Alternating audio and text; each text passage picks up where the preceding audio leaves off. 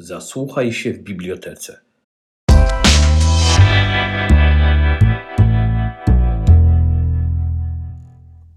Więc witam Państwa bardzo serdecznie na kolejnym spotkaniu w, w ramach projektu Czarne Fakty. Chciałam też przypomnieć, że projekt Czarne Fakty jest dofinansowany ze środków miasta Sopotu. Chciałam też również bardzo przywitać panią, naszą gościnę, panią e, Martę Wrększewską. Dzień dobry, absolwentkę Dzień dobry, pedagogiki specjalnej, dziennikarstwa, Polskiej Szkoły Reportażu, redaktorkę Wysokich Obcasów, a także osoby, która wraz z mężem tworzą rodzinę zaprzyjaźnioną dla dziewczynki z domu dziecka. Bardzo witamy. Zgadzam się. Dzień dobry. E, więc dokładnie, oklaski. Więc moje pierwsze pytanie to, dlaczego akurat właśnie temat adopcji? E, tematem adopcji zajęłam się trochę ze względu na osobiste doświadczenia, dlatego że mm, pomimo, że posiadam trójkę biologicznych dzieci, to e, chcieliśmy z mężem adoptować e, dziecko i ukończyliśmy proces adopcyjny. Byliśmy w ośrodku adopcyjnym i y, ostatecznie nie dostaliśmy dziecka, dlatego że to był taki moment, kiedy mm, weszło 500, weszło kośniakowe, y, ukrócono in vitro i w wyniku tych różnych czynników w ogóle dzieci do adopcji y, było mniej, a szczególnie, mm, bo to też jest temat, który jak potem zgłębiłam to też muszę powiedzieć, ja jak sama byłam w procesie adopcyjnym, to miałam bardzo różowe okulary na nosie i niespecjalnie wiedziałam do końca, co to znaczy adopcja, z czym to się wiąże i, i tak naprawdę jakie dzieciaki trafiają do adopcji. I też żyłam w takim świecie wyobrażeń, że to są dzieci małe, zdrowe, środki. Tam jest tylko 3% y, sierot, które straciły y, obydwoje rodziców, a są to po prostu sieroty społeczne, czyli dzieci pochodzące z nieprawidłowo funkcjonujących rodzin, których rodzice e, z różnych powodów nie mogą albo nie zajmują się nimi w odpowiedni sposób, który nie zagraża ich życiu ani zdrowiu. Mm, no więc ostatecznie powiedziano nam, że możemy adoptować dziecko starsze lub, y, lub niepełnosprawne. My sami mieliśmy trójkę dzieci, nasze najmłodsze dziecko miało chyba wtedy 3 czy 4 lata, jakbyśmy skończyli ten proces, więc starsze w pewnym sensie nie wchodziło w grę, bo y, dzieci adoptowane muszą być, tak jak w naturalnej rodzinie, musi być zachowany ten taki niższy wiek kolejnego dziecka dochodzącego do rodziny, w związku z czym e, tak jakby to odpadało, a mój mąż ma y, niepełnosprawnego brata, w związku z tym e, wie, co to też oznacza dla rodziny i jak bardzo może być to trudne, więc po prostu ze względu na nasze biologiczne dzieci się nie zdecydowaliśmy. To znaczy uznaliśmy, że to może być nasza decyzja, natomiast e, nie wiedzieliśmy w jak, ewentualnie w jaki sposób by to wpłynęło na, na nich, jak bardzo niepełnosprawne dziecko by zostało nam zaproponowane. E, ja jestem też pani serce, więc bardzo ulegam emocjom i nie chciałam po prostu nikogo rozczarować, ani też tak jakby mm, doprowadzić do takiej sytuacji, że nie wiem, no nasze biologiczne dzieci by powiedziały, że nie wiem, te trzy czy czteroletnie, czy, czy pięcioletnie wtedy syn, że, że nie wiem, no, nasza decyzja w jakiś sposób im odebrała czas, który moglibyśmy im poświęcić, bo musielibyśmy go podzielić na, na ewentualnie niepełnosprawne dziecko, więc się po prostu na to nie zdecydowaliśmy. I trochę, trochę odpowiadając bardzo dookoła na Pani pytanie, ale to wynika z mojego osobistego doświadczenia. A co Pani czuła właśnie zgłębiając się w ten bardzo ciężki, skomplikowany temat? Czy to może była smutek, czy może frustracja, że to nie działa tak, jak powinno? No na pewno przede wszystkim tam było, że to nie działa tak, jak powinno. Znaczy ja na początku y, zgłębiałam to czysto jako potencjalna matka adopcyjna w ogóle nie myślałam, że ja to kiedykolwiek w jakiś sposób połączę i, i wykorzystam swoje y, dziennikarskie doświadczenie y, i napiszę na ten temat książkę. Ja po prostu byłam ciekawa. Ja lubię czytać, w związku z czym szukałam wszystkiego, co, co jest na rynku. E, artykuły, książki, reportaże, filmy. Jest na końcu książki też dosyć obszerna e, bibliografia, bo ja sobie to miałam taki katalog w komputerze i sobie to tam wszystko agregowałam i miałam też e, katalogi, gdzie miałam pospisywane te książki, więc potem dosyć łatwo mi to było też odtworzyć. Mm, co czułam? Na początku, jak w ogóle zaczynałam czytać, to brakowało mi e, literatury faktu, mnie samej. Ja jestem też odbiorcą literatury faktu. E, na początku, tak jak mówię, to była czysta ciekawość, e, ale potem przyszedł taki moment, i to też był związany z moim osobistym doświadczeniem, był taki moment niezgody który w sobie poczułam, e, kiedy już wiedzieliśmy, że być może ta droga adopcyjna jest dla nas zamknięta. My też nie chcieliśmy tak jakby wchodzić przed szereg, przed rodziców, którzy nie mogą mieć biologicznych dzieci, bo nie chodziło nam, nie wiem, o odbieranie innym rodzicom, tylko, tylko ewidentnie o, o ofiarowanie domu, bo widzieliśmy, że, że nasz się całkiem nieźle sprawdza. E, i że dajemy sobie radę. E, I e, wtedy wybuchła wojna w Donbasie. Mm, I moja znajoma jeździła z pomocą humanitarną tam do Donbasu i opowiadała mi o sytuacji, że była tam i, i widziała domy dziecka tam na miejscu, którym brakuje absolutnie wszystkiego. To znaczy, tam nie ma pieluch, nie ma środków czystości, nie ma jedzenia i że ci pracownicy ją błagali w ogóle o jakąkolwiek pomoc. I ja wtedy pomyślałam, że może jeżeli tam jest tyle tych dzieciaków, one jest, jest niebezpiecznie, że może można, jeżeli u nas brakuje również dzieci, znaczy to tak okropnie brakuje, brzmi trochę tak, jakby to był towar, natomiast broń Boże nie chcę, żeby to tak zabrzmiało, natomiast po prostu jest rzeczywiście dużo więcej rodziców chętnych, adopcyjnych, y, aniżeli dzieci z uregulowaną sytuacją prawną.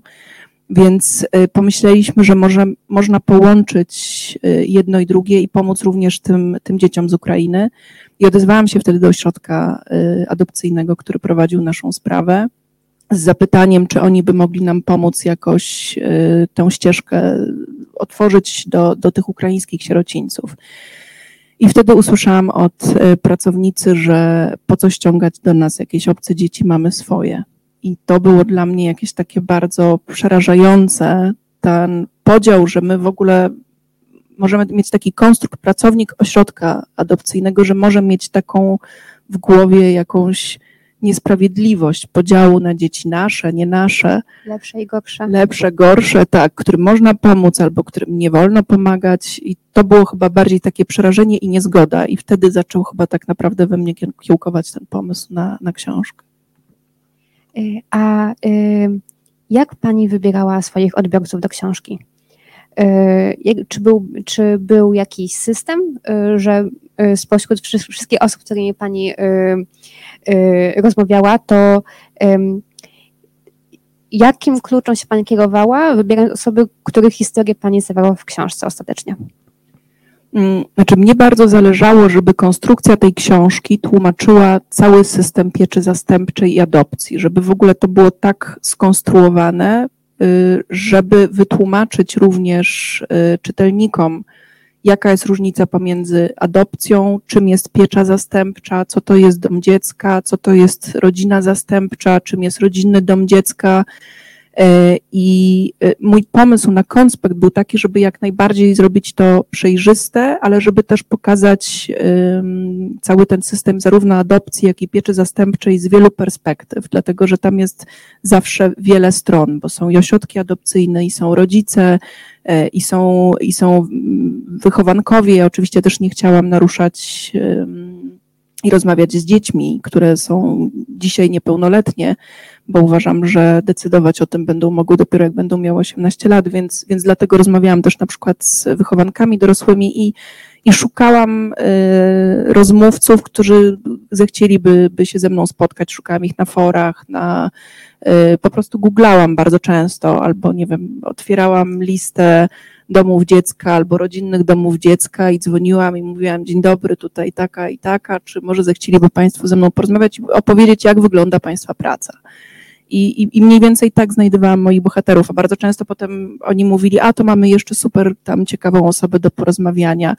E, I, I, trochę to tak jest. Znaczy też ja widzę, że jak się rozmawia z ludźmi i opowiada im o, o projekcie na przykład, w którym się jest teraz i nad czym się pracuje, to, to wiele osób mówi, a wiesz, ja, ja znam kogoś takiego, albo... Czyli metoda kuli śnieżnej. Trochę tak. E, a czy jak, była jakaś rozmowa, która głęboko Pani zapadła w pamięć? Wiadomo, że jakby wszystkie historie no są bardzo, bardzo jakby indywidualne, ale czy może jest jakaś, którą, która pani, którą pani bardzo poruszyła? Mm, ja mam w ogóle tak, że ja bardzo empatyzuję z moimi bohaterami i mm, ja rozumiem absolutnie e, każdą z tych osób i empatyzuję z każdą z tych osób e, i nie oceniam. E, nie wiem, tak samo jak, nie wiem, rozmawiałam z, z tatą, który, z Rafałem, który rozwiązał adopcję. Pamiętam, jak się spotkaliśmy. Już nie chcę go tutaj mówić w jakim mieście, no ale w ładnym mieście, nie z którego ja pochodzę. I, i, i to, to są takie bardzo poruszające, bardzo osobiste, y, osobiste rozmowy, ale na przykład poruszyła mnie niesam, znaczy ciężko wybrać jedną tak naprawdę. Nie umiem tak, na to tak odpowiedzieć, bo jak teraz przypominam sobie, to przecież i ten, i ten, i ten, i ta osoba, ale na przykład niesamowicie mnie poruszyła też wewnętrznie, dlatego że zastanawiałam się, czy znajdę w sobie, mm, przy całym moim zrozumieniu dla wszystkich moich bohaterów, czy znajdę sobie, w sobie zrozumienie również dla tej, e, dla tej osoby. To jest mama, której odebrano trójkę dzieci. E, ja do niej też pojechałam absolutnie na drugi koniec e, Polski i ona mnie bardzo poruszyła bardzo mnie poruszyła. Ja staram się zawsze tak te emocje potem podczas pisania gdzieś tam schować je w środku, żeby nie, nie, nie epatować, żeby jak najbardziej opowiedzieć nie przez pryzmat emocji, tylko przez to, co widziałam, ale to też było niesamowicie poruszające. Niesamowita poruszająca była, nie wiem, historia Beaty i Adama, do których też pojechałam znowuż do jeszcze innego y, miasta w Polsce. Oni prowadzą y, rodzinę zastępczą z funkcją pogotowia opiekuńczego. No i jak widziałam, jak ten ich dom funkcjonuje, te, tabuny dzieciaków po prostu kręcących się, to chcę tamto, to tamto, tu mi pokazują pralkę i, i po prostu sznurki i, i nie, całe, całe zawieszone śpioszkami, tam te, miski, o których ja piszę, pełne skarpetek, które czekają do sparowania, no więc to w, w zasadzie to, nie wiem, każdy, każdy gdzieś tam ze mną został z tych, z tych bohaterów. A czy jakąś rozmowę prowadziło się Pani najciężej? Mm, jest rozmowa, teraz nie chcę, y, duża część moich bohaterów ma pseudonimy i teraz nie wiem, czy mam w głowie pseudonim, czy nie. To jest jedna z osób dorosłych. Y, ten chłopak był w rodzinie adopcyjnej. Chyba Michał. Y, I z Michałem mi się rozmawiało rzeczywiście trudno. Ja go poznałam, zgłosiłam się do tej fundacji po drugie i dzięki nim oni mnie po prostu też przedstawili kilku swoim podopiecznym e, i tam poznałam Michała. I myśmy się spotykali na kilka razy. I to rzeczywiście była mm, trudna rozmowa, dlatego że to był młody człowiek, który siedział przede mną. E, bardzo kulturalnie mi się z nim rozmawiało, także to nie, nie, w ogóle nie o to chodzi, natomiast on zupełnie inaczej widział świat niż ja. I to było takie trudne, żeby, mm, żeby spróbować zrozumieć i umieć też opowiedzieć to, jak zupełnie inaczej on ten świat widzi. Pamiętam właśnie tę postać książki i faktycznie nawet jak czytałam, to było widać, że ja nie zawsze rozgadzałam się z tym, jak, jak on to widzi, więc myślę, że to... Tak, to było rzeczywiście trudne. On jeszcze tak do mnie potrafił powiedzieć, co tam pani wie, pani jest starsza to pani nie wie, że tam dzisiaj to się przed kamerką ogląda dziewczyny i się gra w gry. I taki był, no oczywiście był wtedy też, też tym bardzo taki bezpośredni i, i wydaje mi się, że nie, mm, nie, nie, nie przekłamałam tego, jak, jak, jak go widziałam, ale rzeczywiście było to dla mnie takie zaskakujące. Tak, ja też zastanawiałam, jak czytałam właśnie ten, ten fragment książki, tą, tą postać, jak pani opisywała, to właśnie zastanawiałam się, jak, y, czy on faktycznie to, co opisywał, jak go traktowali i tak dalej, czy to faktycznie tak było, czy może trochę sobie wyobrażał i tak.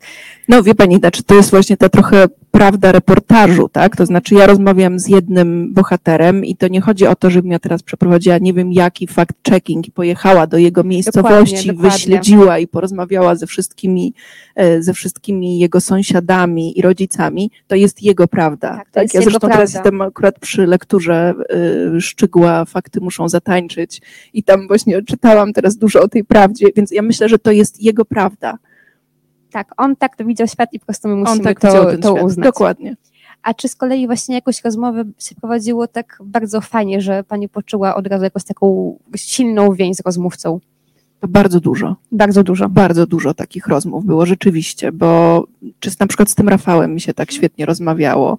E, niesamowicie interesująca była rozmowa z Ewą Milewską-Celińską, która e, jest adwokatką, która przeprowadziła 106 adopcji zagranicznych. No to jest osoba, do której ja idę e, i, i ona rzeczywiście może mnie też czegoś nauczyć i, i, i, i to była fascynująca i, i pasjonująca mm, rozmowa.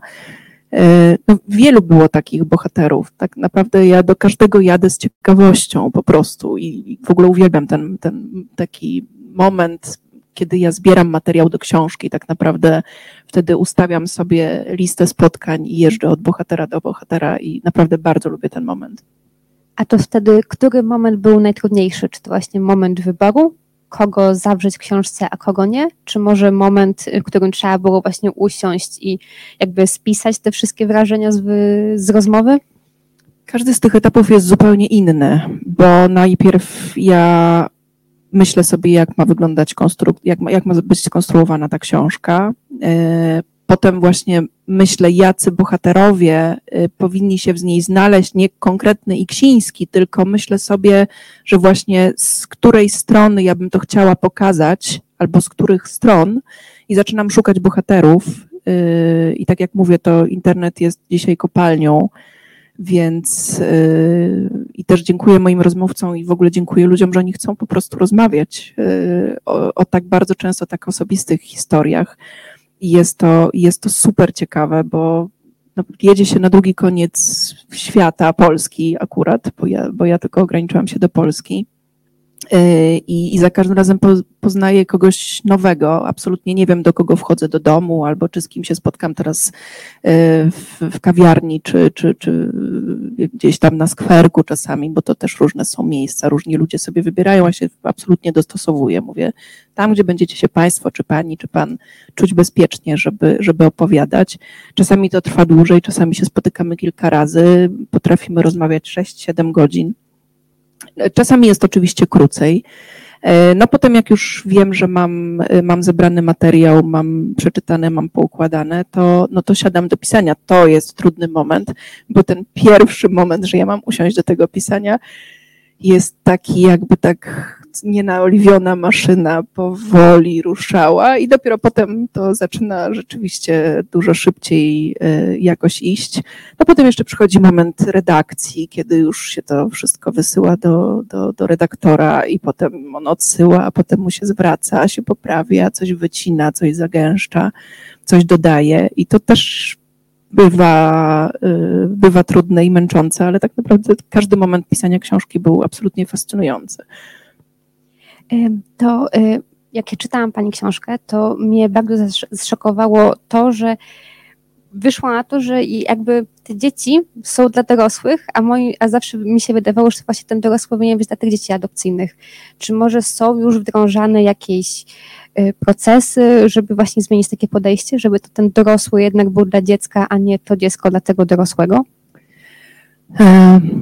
Procesy wdrażane są, ale chyba na poziomie procesów. To znaczy, to moja e, obserwacja też i to też gdzieś tam w tych podwalinach tej książki leżało. E, jak byliśmy w ośrodku adopcyjnym, to właśnie nam mówiono, że to rodzic ma być dla dziecka. I to było tak wielokrotnie, jako taka prawda fundamentalna, wiedza, to było powtarzane. Mm, natomiast potem okazywało się właśnie, że nie. I mm, zarówno wtedy w ośrodku adopcyjnym, ja potem miałam taką refleksję, że jeżeli to rodzic ma być dla dziecka, a nie dziecko dla rodzica, y, to na przykład spychanie na koniec kolejki rodziców, którzy już posiadają biologiczne y, potomstwo, jest absolutnie niezasadne.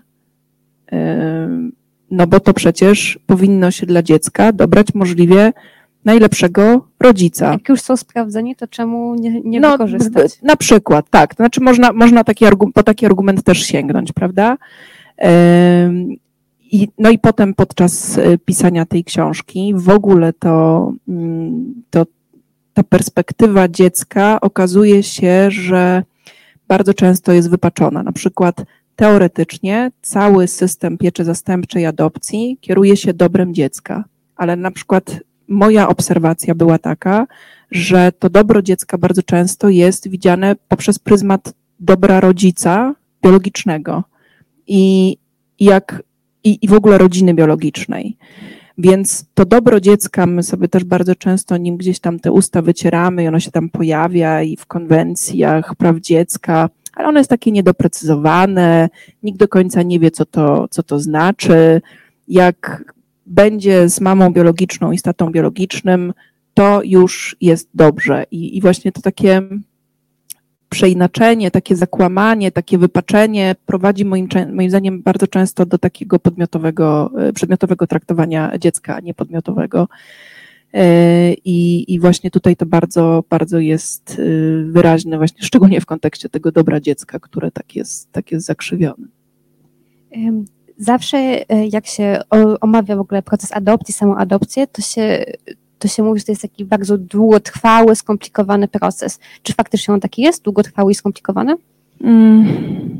On jest długotrwały, on wcale nie jest skomplikowany, on jest raczej męczący, powiedziałabym. I to mówię na swoim przykładzie, tak? To znaczy to, co, to czego ja doświadczyłam. To rzeczywiście trzeba zbierać kolejne i kolejne zaświadczenia i pojechać do lekarza i tam, nie wiem, zaświadczenie wziąć o niekaralności, o tym, że jest się zdrowym psychicznie i tam jeszcze jakieś zaświadczenie, ale no, to nie jest trudne, to po prostu trzeba znaleźć czas na to, żeby pojechać do kilku urzędów i w kilka miejsc e, i, i, i, i przedstawić te, mm, te dokumenty. To jest dla mnie oczywiście też zrozumiałe, dlatego że e, tacy rodzice, którzy chcą być rodzicami adopcyjnymi, muszą być sprawdzeni i prześwietleni i żeby jak najbardziej wyeliminować ewentualne e, problemy, no bo chodzi znowuż tutaj o to dobro dziecka, prawda, żeby jakoś jak najlepiej zabezpieczyć to dziecko, więc ten rodzic powinien być moim zdaniem jak najbardziej e, sprawdzony pod każdym kątem. Ja bym się tutaj bardziej przyczepiła do samego szkolenia, które z jednej strony niby to jest 30 godzin, ale my jak, nie wiem, uczymy się jeździć samochodem, to 30 godzin nie wystarcza, a na bycie rodzicem nie wiem, adopcyjnym, no niby jak się jest biologicznym rodzicem, to nie idzie się na żaden kurs, ale, y, ale przyjęcie pod swój dach skrzywdzonego dziecka to jest zupełnie, zupełnie coś innego, tak? I nie y, chodzi tylko o zmianę pielu właśnie chciałam teraz nawiązać do tego szkolenia, bo właśnie często y, w książce właśnie często było y, ono, o, nim, o nim mowa, że szkolenia właśnie na rodziców adopcyjnych, czy właśnie rodziców zastępczych, y, że po tym szkoleniu te osoby nie miały jakby takiej fundamentalnej wiedzy, jak sobie z tymi tak. dziećmi radzić. Tak. To właśnie czego najbardziej brakowało w tym szkoleniu? Hmm, chyba w ogóle takiego właśnie urealnienia adopcji, tak naprawdę co to znaczy, bo sama opieka nad dzieckiem jest bardzo często intuicyjna i opieka nad dzieckiem właśnie nie powinna sprowadzać się tylko i wyłącznie do zmiany pieluchy czy gotowania, nie wiem, brokułów, ale, ale w ogóle do zrozumienia tego, y, skąd pochodzi takie dziecko, z jakiego pochodzi domu, y, z jakimi problemami może się borykać, co to znaczy, jak sobie z tymi problemami radzić, jak najlepiej pomóc takiemu dziecku uspokoić się, wyciszyć, żeby teraz ono osiągnęło jakąś taką równowagę psychiczną, równowagę wewnętrzną, mm, żeby, nie wiem, y, nauczyło się teraz nowej mamy i nowej gotaty, żeby potrafiło im zaufać. To jest tak wiele czynników, o których absolutnie się nie mówi. To myślę, że właśnie bardzo często skupiają się te ośrodki na takiej wiedzy teoretycznej, która oczywiście też jest ważna i potrzebna, natomiast y, wydaje mi się, że nie urealnia tej adopcji. Ja po skończonym kursie e, nie wiedziałam absolutnie ćwierci tego, co, co wiem po napisaniu tej książki. Czyli brak takiej wiedzy czysto praktycznej. E, tak, ale związanej konkretnie z, z dziećmi, które z zostały dziećmi. Mhm. skrzywdzone, tak? Bo, z bo, różnymi traumami i tak, tak, tak, tak, dokładnie. E, to jak wygląda taki właśnie proces adopcyjny? Jak, jakie są kolejne etapy? Za adopcję w ogóle w tym momencie mm, odpowiadają y, ośrodki adopcyjne, w związku z czym w pierwszej kolejności należy zgłosić się do ośrodka adopcyjnego i tam dostanie się pakiet informacji y, i zostanie się też y, przeprowadzonym tak naprawdę krok po kroku przez, przez ten proces. Tam dostanie się informacje, mm, jakie dokumenty właśnie należy zebrać, Niestety nie do końca są ujednolicone te, te, te, te, wymogi, bo różne ośrodki wymagają różnych rzeczy. Są na przykład również, tego dowiedziałam się pisząc tę książkę, są również ośrodki adopcyjne katolickie, które na przykład wymagają zaświadczenia o ślubie kościelnym, czy tam, nie wiem, przedstawienia jakiegoś opinii z parafii, i nie ma żadnego ujednolicenia, znowuż żadnych przepisów, które by to jakoś, nie wiem, no, zamknęły w, w jednych ramach. Bardzo często ośrodki stosują jakieś tam własne zasady i kryteria. Mm, no i później, y, jak już zbierze się te wszystkie dokumenty, to my na przykład, podobnie zresztą też Monika z Wiktorem opowiadają w książce, że przechodzili różne takie testy psychologiczne, spotykali się z psychologami, to były często takie wielogodzinne spotkania, y, odpowiadanie na, na, na, różne pytania, niektóre wydawałyby się takie bez sensu, ale to jakieś tam formularze pani, pani psycholog sobie wypełnia, coś tam jej z tego wychodzi, nie wiem, to już chyba myślę, że bardziej pytanie do, do, do specjalistów i do pracowników y, ośrodków adopcyjnych, jakie oni tam, dlaczego takie, a nie inne y, narzędzia stosują, y, weryfikowania. No i później jest właśnie kwalifikowanie na, na kurs adopcyjny, który, który właśnie tam trwa kilkadziesiąt godzin. Mm, no i potem następuje kwalifikacja, czyli w momencie, jak już pozytywną dostanie się y, opinię ze strony ośrodka adopcyjnego, to trafia się na tą listę y, oczekujących. I y, też w międzyczasie, na przykład, tak jak opowiada Monika z Wiktorem, my też to, to, to mieliśmy, na przykład pytania są takie, jakie dziecko jesteśmy gotowi przyjąć, z jakimi, z jakimi obciążeniami i na przykład tego nam też niespecjalnie ktoś mówił, znaczy ja przynajmniej tego nie pamiętam. Wiem, że mm, informowano nas o tym, że to są głównie dzieci z rodzin, y, gdzie mm, rodzice pili albo, albo brali narkotyki, ale tak niewiele było o tych obciążeniach, co to może znaczyć tak naprawdę dla, y, dla dzieci. O FAS to tak myślę, że gdzieś tam na marginesie ktoś wspomniał. A myślę, że wydaje mi się, że y, właśnie to urealnienie adopcji, o którym już wspomniałam, na to nacisk powinien być kładziony, żeby właśnie jak najwięcej nie tylko mnie zapytać, czy ja się zgadzam wziąć dziecko, nie wiem, z wadą serca czy ze szpotowymi stopami, tylko, tylko właśnie co ja powinnam zrobić i jak się przygotować na, na, na przyjęcie takiego dzieciaka to y, jak dziecko zostaje odebrane rodzicom biologicznym, to wtedy co go czeka? Bo y, z książki zrozumiałam, że jakby są jakby różne możliwe drogi, gdzie on może mhm. skończyć, czy w rodzinie adopcyjnej, czy w rodzinie zastępczej, czy w rodzinie domu dziecka, czy może w domu dziecka. To jak to właśnie wygląda? Y, no są różne drogi, w jaki sposób dzieci są odbierane z domów. To znaczy, są oczywiście sytuacje takie, że mamy zostawiają dzieci w szpitalu, są e, sytuacje, kiedy odbiera się dzieci z domów biologicznych, na przykład rodzina objęta jest jakimś rodzajem, jakimś rodzajem opieki. Mm, I są oczywiście interwencje, takie sytuacje nagłe, tak? Czyli, że ktoś zawiadamia, że dzieje się coś złego i wtedy po prostu bardzo szybko trzeba reagować, żeby zabezpieczyć dziecko. E, często pojawiają się w publicznej przestrzeni takie zarzuty, że dzieci w Polsce są odbierane ze względu na biedę. E, tak jak rozmawiałam z różnymi e, osobami, nikt nigdy z takim przypadkiem się nie spotkał. To znaczy, to jest podobno jakiś rodzaj mitu, nie wiem, legendy miejskiej, e, niczym nie podpartej. Bieda jest współwystępująca.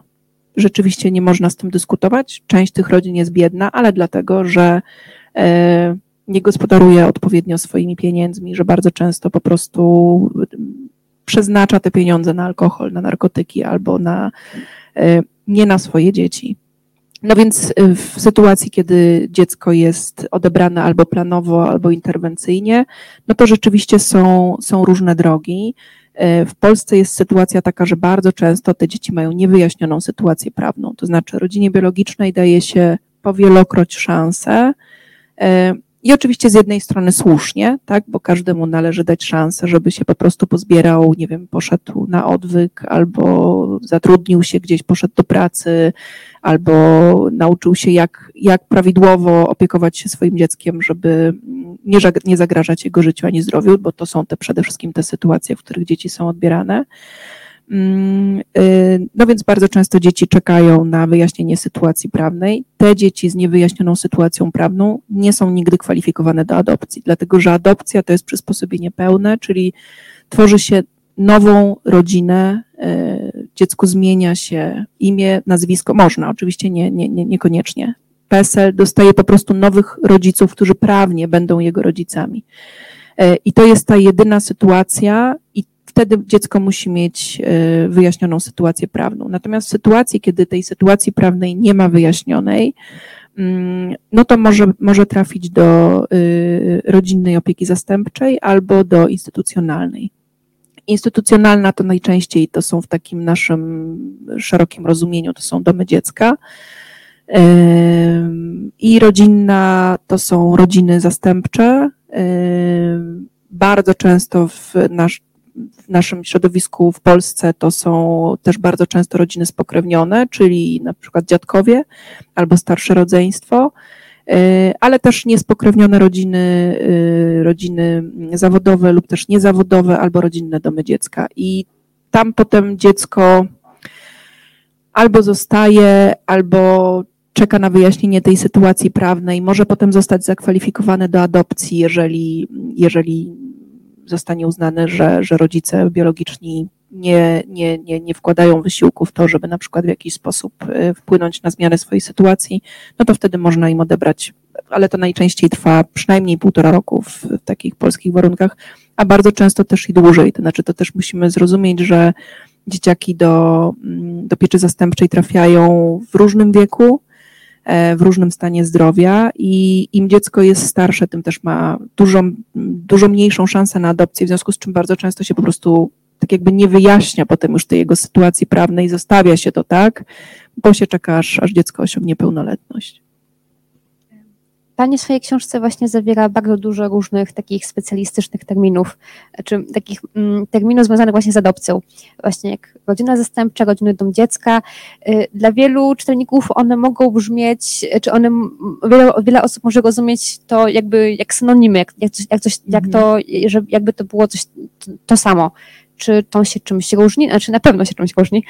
E, tak, tak. Znaczy ja starałam się to też i wytłumaczyć w książce i najpierw w ogóle sama zrozumieć, bo powiem szczerze, że ja też tego nie, nie do końca rozumiałam. E, rodziny zastępcze, tak jak mówiłam, e, zresztą mogę, mogę sięgnąć? Tutaj ja starałam się to wytłumaczyć nawet na przykładzie takiego grafu, gdzie mm, nie wiem, czy to będzie widać, Tutaj jest taki graf, który e, tłumaczy całą formę pieczy zastępczej adopcji. E, I jest to, może ja tak ustawię. Nie, to się chyba zamknie, nie da się tak. No trudno. Odsyłam Państwa na stronę, nie wiem nawet którą, jakąś na początku, zaraz chyba po wstępie. E, I tam starałam się to mm, rozpisać właśnie, żeby, żeby te, mm, ta piecza zastępcza była rozpisana zarówno na tę rodzinną, jak i na instytucjonalną, e, żeby widać było, że e, rodziny zastępcze to nie to samo, co rodzinne domy dziecka i że rodziny zastępcze mogą być spokrewnione zawodowe i niezawodowe. Ja może spróbuję to tak mm, wytłumaczyć, żeby to było jakoś tak najbardziej logiczne, bo rozumiem, że o to pani chodzi. Znaczy, Instytucjonalne, to tak jak mówię, tam są oczywiście też ośrodki preadopcyjne, ale przede wszystkim y, tam są specjalistyczne placówki, ale tam to są przede wszystkim, tak jak my rozumiemy, to są właśnie te domy dziecka, w których y, dzieci mieszkają z paniami, które przychodzą y, na, na, na zmiany, tak? To, tam nie ma żadnej mamy, taty, nawet zastępczej, tylko po prostu jest pracownik, który w danej placówce pracuje. E, są e, rodzicielstwo zastępcze, tak jak mówię, może być podzielone na rodzinne domy dziecka i tam jest powyżej ósemki dzieci, czy też do, do ośmior, e, chyba do, do ośmiorga dzieci, a rodzicielstwo zastępcze to tam jest do trójki chyba może być.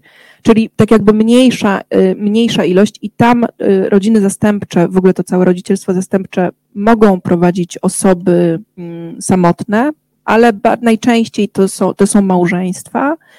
E, I więc tam jest taki model, tak jakby mamy i taty, którzy, którzy prowadzą dom i ten dom może być większy lub mniejszy. W przypadku właśnie rodzinnego domu dziecka on jest większy, w przypadku rodziny mm, zastępczej on jest mniejszy i może być teraz rodzina zawodowa i niezawodowa. Zawodowa to jest taka w sytuacji, kiedy jedno z rodziców pobiera pensję, tak jakby zostaje zatrudnione na tego rodzica y, zastępczego. Mm, y, I, i niezawodowe to, to, to po prostu tak jakby to dziecko tam mieszka, tak? I, i, i tylko są różnego rodzaju świadczenia, tam 500 plus, to, to też wszystko opisuję w książce. Y, czy proces właśnie, żeby stać się taką rodziną zastępczą, czy właśnie rodziną domu dziecka jest skomplikowany, czy podobny do procesu właśnie adopcyjnego? Tam trzeba się zgłosić do WCPR-u, y, do PCPR-u, to Powiatowych Centrum Pomocy Rodzinie, bo te wojewódzkie to, to, to, to tylko w, do PCPR-ów i tam też przechodzi się szkolenia, tam też trzeba E, wykazać, że nie, wiem, nie, nie jest się karanym, że chyba samemu nie ma się odebranych praw rodzicielskich, że wywiązuje się człowiek z prawa, tam płaci alimenty. Tam jest kilka takich kilka warunków, które musi spełnić, no i oczywiście musi przejść szkolenie i wtedy może zostać takim y, rodzicem zastępczym. Ale mm, w Polsce, i to też tam podaję w książce liczby, my mamy, i to chyba też się znalazło na okładce, mniej więcej 75 tysięcy dzieci jest objętych w ogóle y, pieczą zastępczą w, y, w naszym kraju. W instytucjonalnej jest niecałe 17 tysięcy, te liczby się tam pewnie, pewnie zmieniają. E, w, mm, w, w, ramach tych rodzin zastępczych, czy też rodzinnych domów dziecka jest około tam trochę powyżej 55 tysięcy, czyli tak jakby w tych lepszych, e, lepszych, no nie, nie chcę wartościować, ale tak jakby uważam, że dziecko powinno wychowywać się w rodzinie, a nie w placówce. Z całym szacunkiem dla pracowników, którzy tam pracują i wkładają serce i też rozmawiałam z naprawdę wspaniałymi ludźmi. Natomiast uważam, że, że, że dzieci powinny wychowywać się w domu i mieć wzorce prawidłowo funkcjonującej rodziny, uczyć się tego, jak się, nie wiem, je śniadania, jak się człowiek e, wita na, na, na to śniadanie, a nawet jak się czasami kłóci, nie wiem, przy tym śniadaniu, żeby, żeby mogło to obserwować e, i, i żeby widziało, jak to, jak to wygląda. Wracając do liczb, 50 e, mniej więcej 5 tysięcy jest w, tym, w tych rodzinach zastępczych z czego chyba, teraz nie chcę skłamać, nie pamiętam dokładnie tej liczby, wydaje mi się, że 65% tej kwoty, tej, tej liczby to są y, y, te rodziny spokrewnione, tak, czyli dziadkowie, rodzeństwo, jakieś tam wujostwo. Ale mimo wszystko zostaje też ogromna rzesza dzieciaków, które no nie, nie mieszka w tych rodzinach i jest skazana na placówki i no, no, no niestety będzie miała trochę gorszy start w życie to właśnie dzieci, które wychowają się w placówkach, w domach dziecka, e, to na jaką właśnie, to na jaką pomoc e, od rządu, od systemu mogą liczyć, jak muszą opuścić tą placówkę? To też jest temat, który dobrze wygląda na papierze, a trochę gorzej wygląda w praktyce, dlatego że tam teoretycznie jest e, wsparcie dla tych młodych ludzi i teoretycznie oni mogą być do skończenia nauki w placówkach i dostają opiekuna usamodzielniania y, i dostają jakieś pieniądze na start, ale nawet jeżeli to jest tam, nie wiem, już nie pamiętam, liczyłam na, na, na, na poziomie pisania tej książki, nie pamiętam, to mi wyszło 6 tysięcy złotych. Znaczy, no, nikt z nas nie rozpoczynałby startu bez wsparcia dorosłych, takich prawdziwych dorosłych, życzliwych nam dorosłych, no nie rozpoczynałby samodzielnego życia, bo jest to po prostu absolutnie praktycznie nie do, nie do wykonania. E, ci młodzi ludzie dostają e, opiekuna usamodzielniania, ale na przykład taki opiekun nie ma żadnych narzędzi, żeby w jakikolwiek sposób, nie wiem, potem tego młodego człowieka wesprzeć, bo, bo jest RODO na przykład i nie ma dostępu tam do jakichś dokumentów, nie może się dowiedzieć, czy on, nie wiem, chodzi do tej szkoły, czy nie chodzi.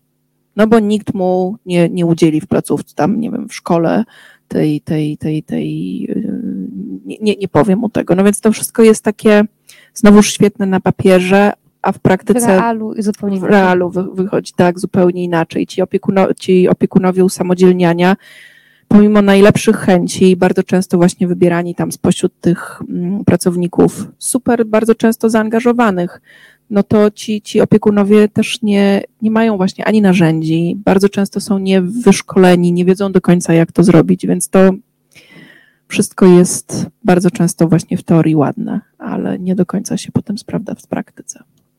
Mówiła Pani, przy, że przy adopcji y, jest taka możliwość, żeby rodzice zmienili dziecku imię.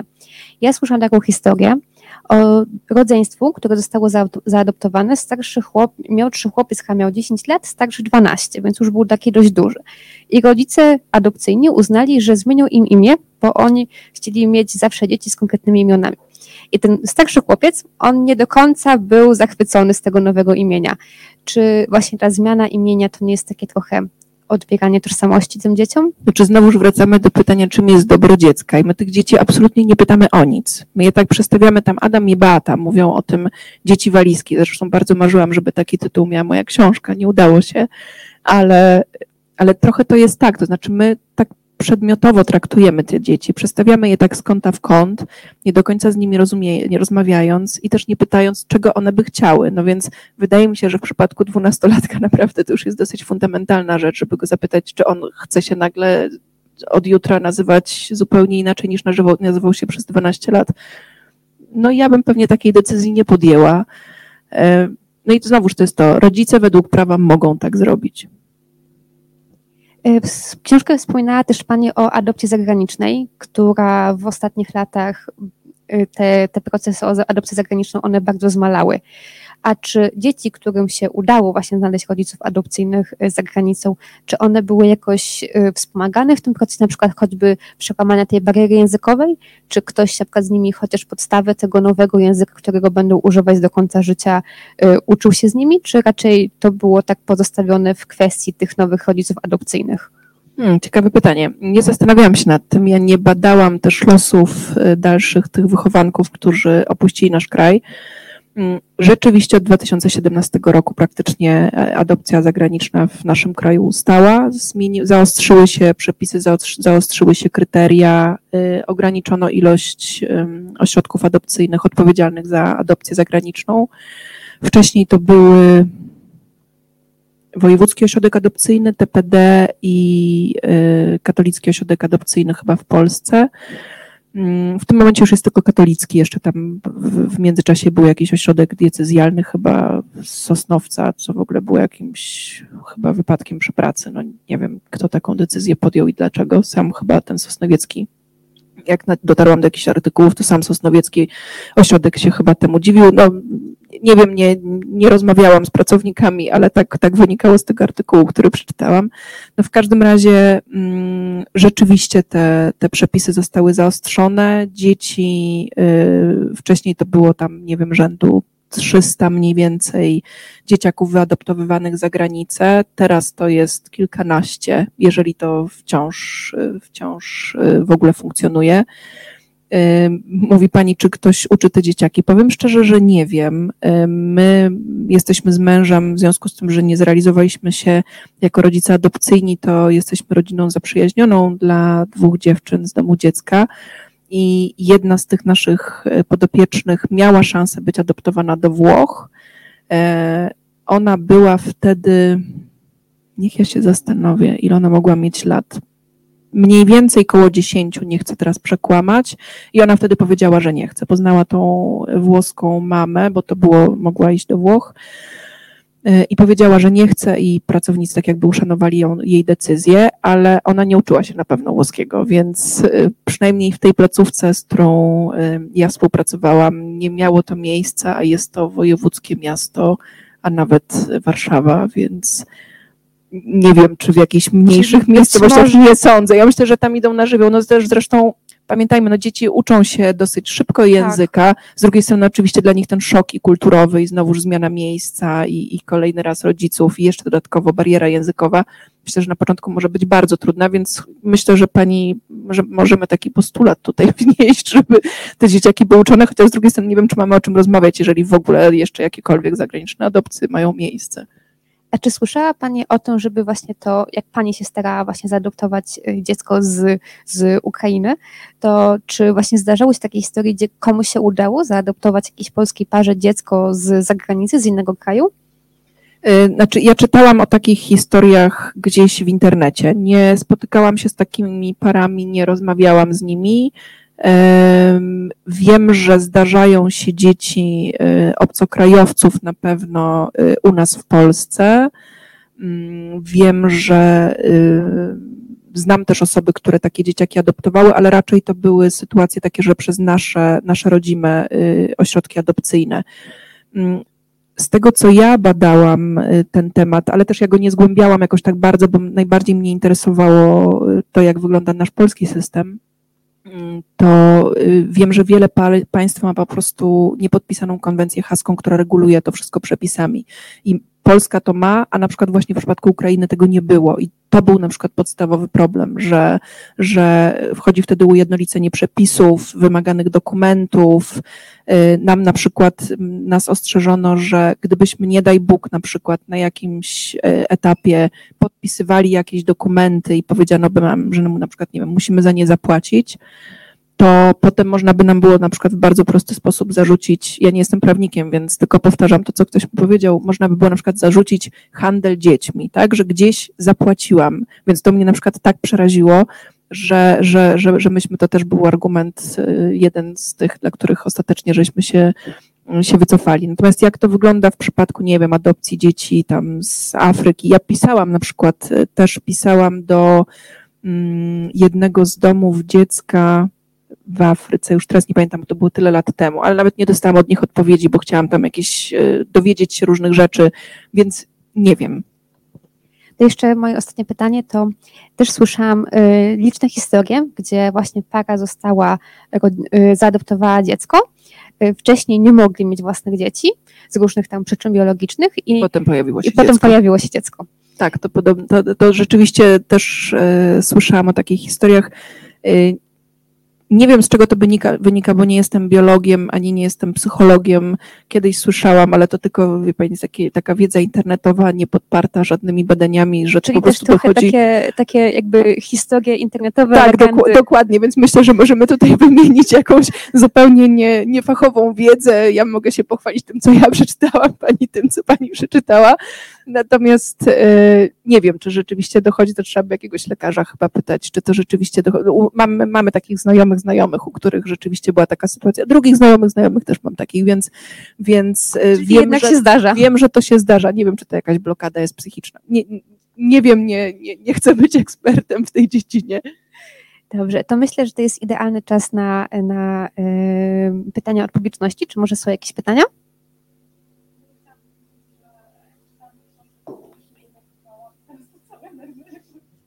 Wróciły do pani? A muszę do mikrofonu, nie słychać mnie? Nie wiem właśnie. E, e, te wszystkie nerwy wróciły i tak sobie myślę, że straszny mamy kraj, straszny mamy system i ja jeszcze jakby zawodowo też mm, no nie jest fajne, nie są to fajne przemyślenia tak naprawdę. I, I, tak, bo ja już tę książkę jakiś czas temu czytałam, trochę nawet pozapominałam, w międzyczasie inne też czytam, e, ale te emocje, które towarzyszyły czytaniu właśnie i to nie są fajne emocje, e, wróciły. No, jest to, jest to smutne po prostu. Mi bardzo zależało na tym, żeby to opisać. Ja miałam oczywiście jakoś takie bardzo idealistyczne wyobrażenie, że to teraz wszystko zmieni i ktoś to przeczyta i powie, rzeczywiście, nie zauważyliśmy.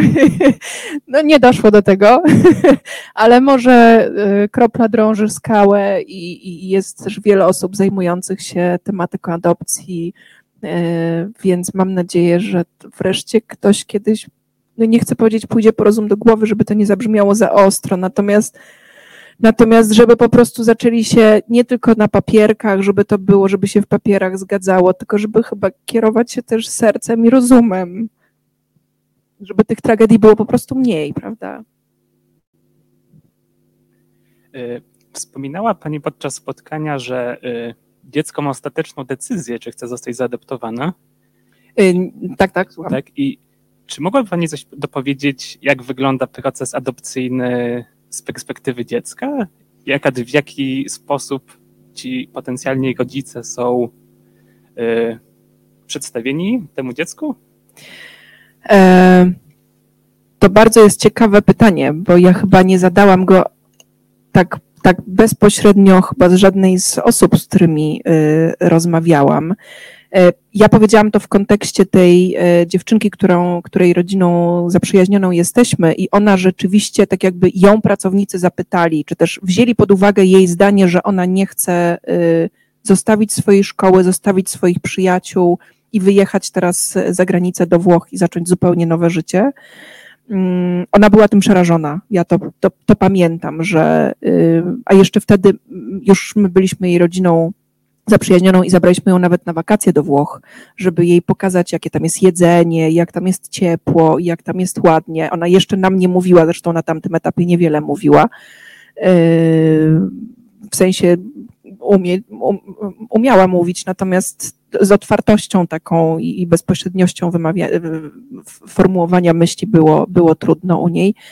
E, więc mi się wydawało, że jak ja jej to tak pokażę, to ona się e, zachwyci tymi Włochami i powie, och, jak wspaniale, jak tutaj jest pięknie. I pamiętam, że nawet kupiłam po włosku mm, małego księcia i napisałam tam dedykację od nas, żeby o nas pamiętała i zostawiłam tam do nas numery telefonów. Mi się wydawało, że to jest postanowione, więc jak się potem dowiedziałam, że, że jej posłuchali, zaskoczyło mnie to, y, ale wydaje mi się, że to ważne tak naprawdę, bo rzeczywiście chyba tych dzieci nikt nie pyta. To znaczy one w tych ośrodkach adopcyjnych są, to są teczkami i tam są opisane jest imię, nazwisko i historia, tyle ile się udało zebrać informacji o tym dziecku, a czasami udaje się zebrać więcej, a czasami mniej.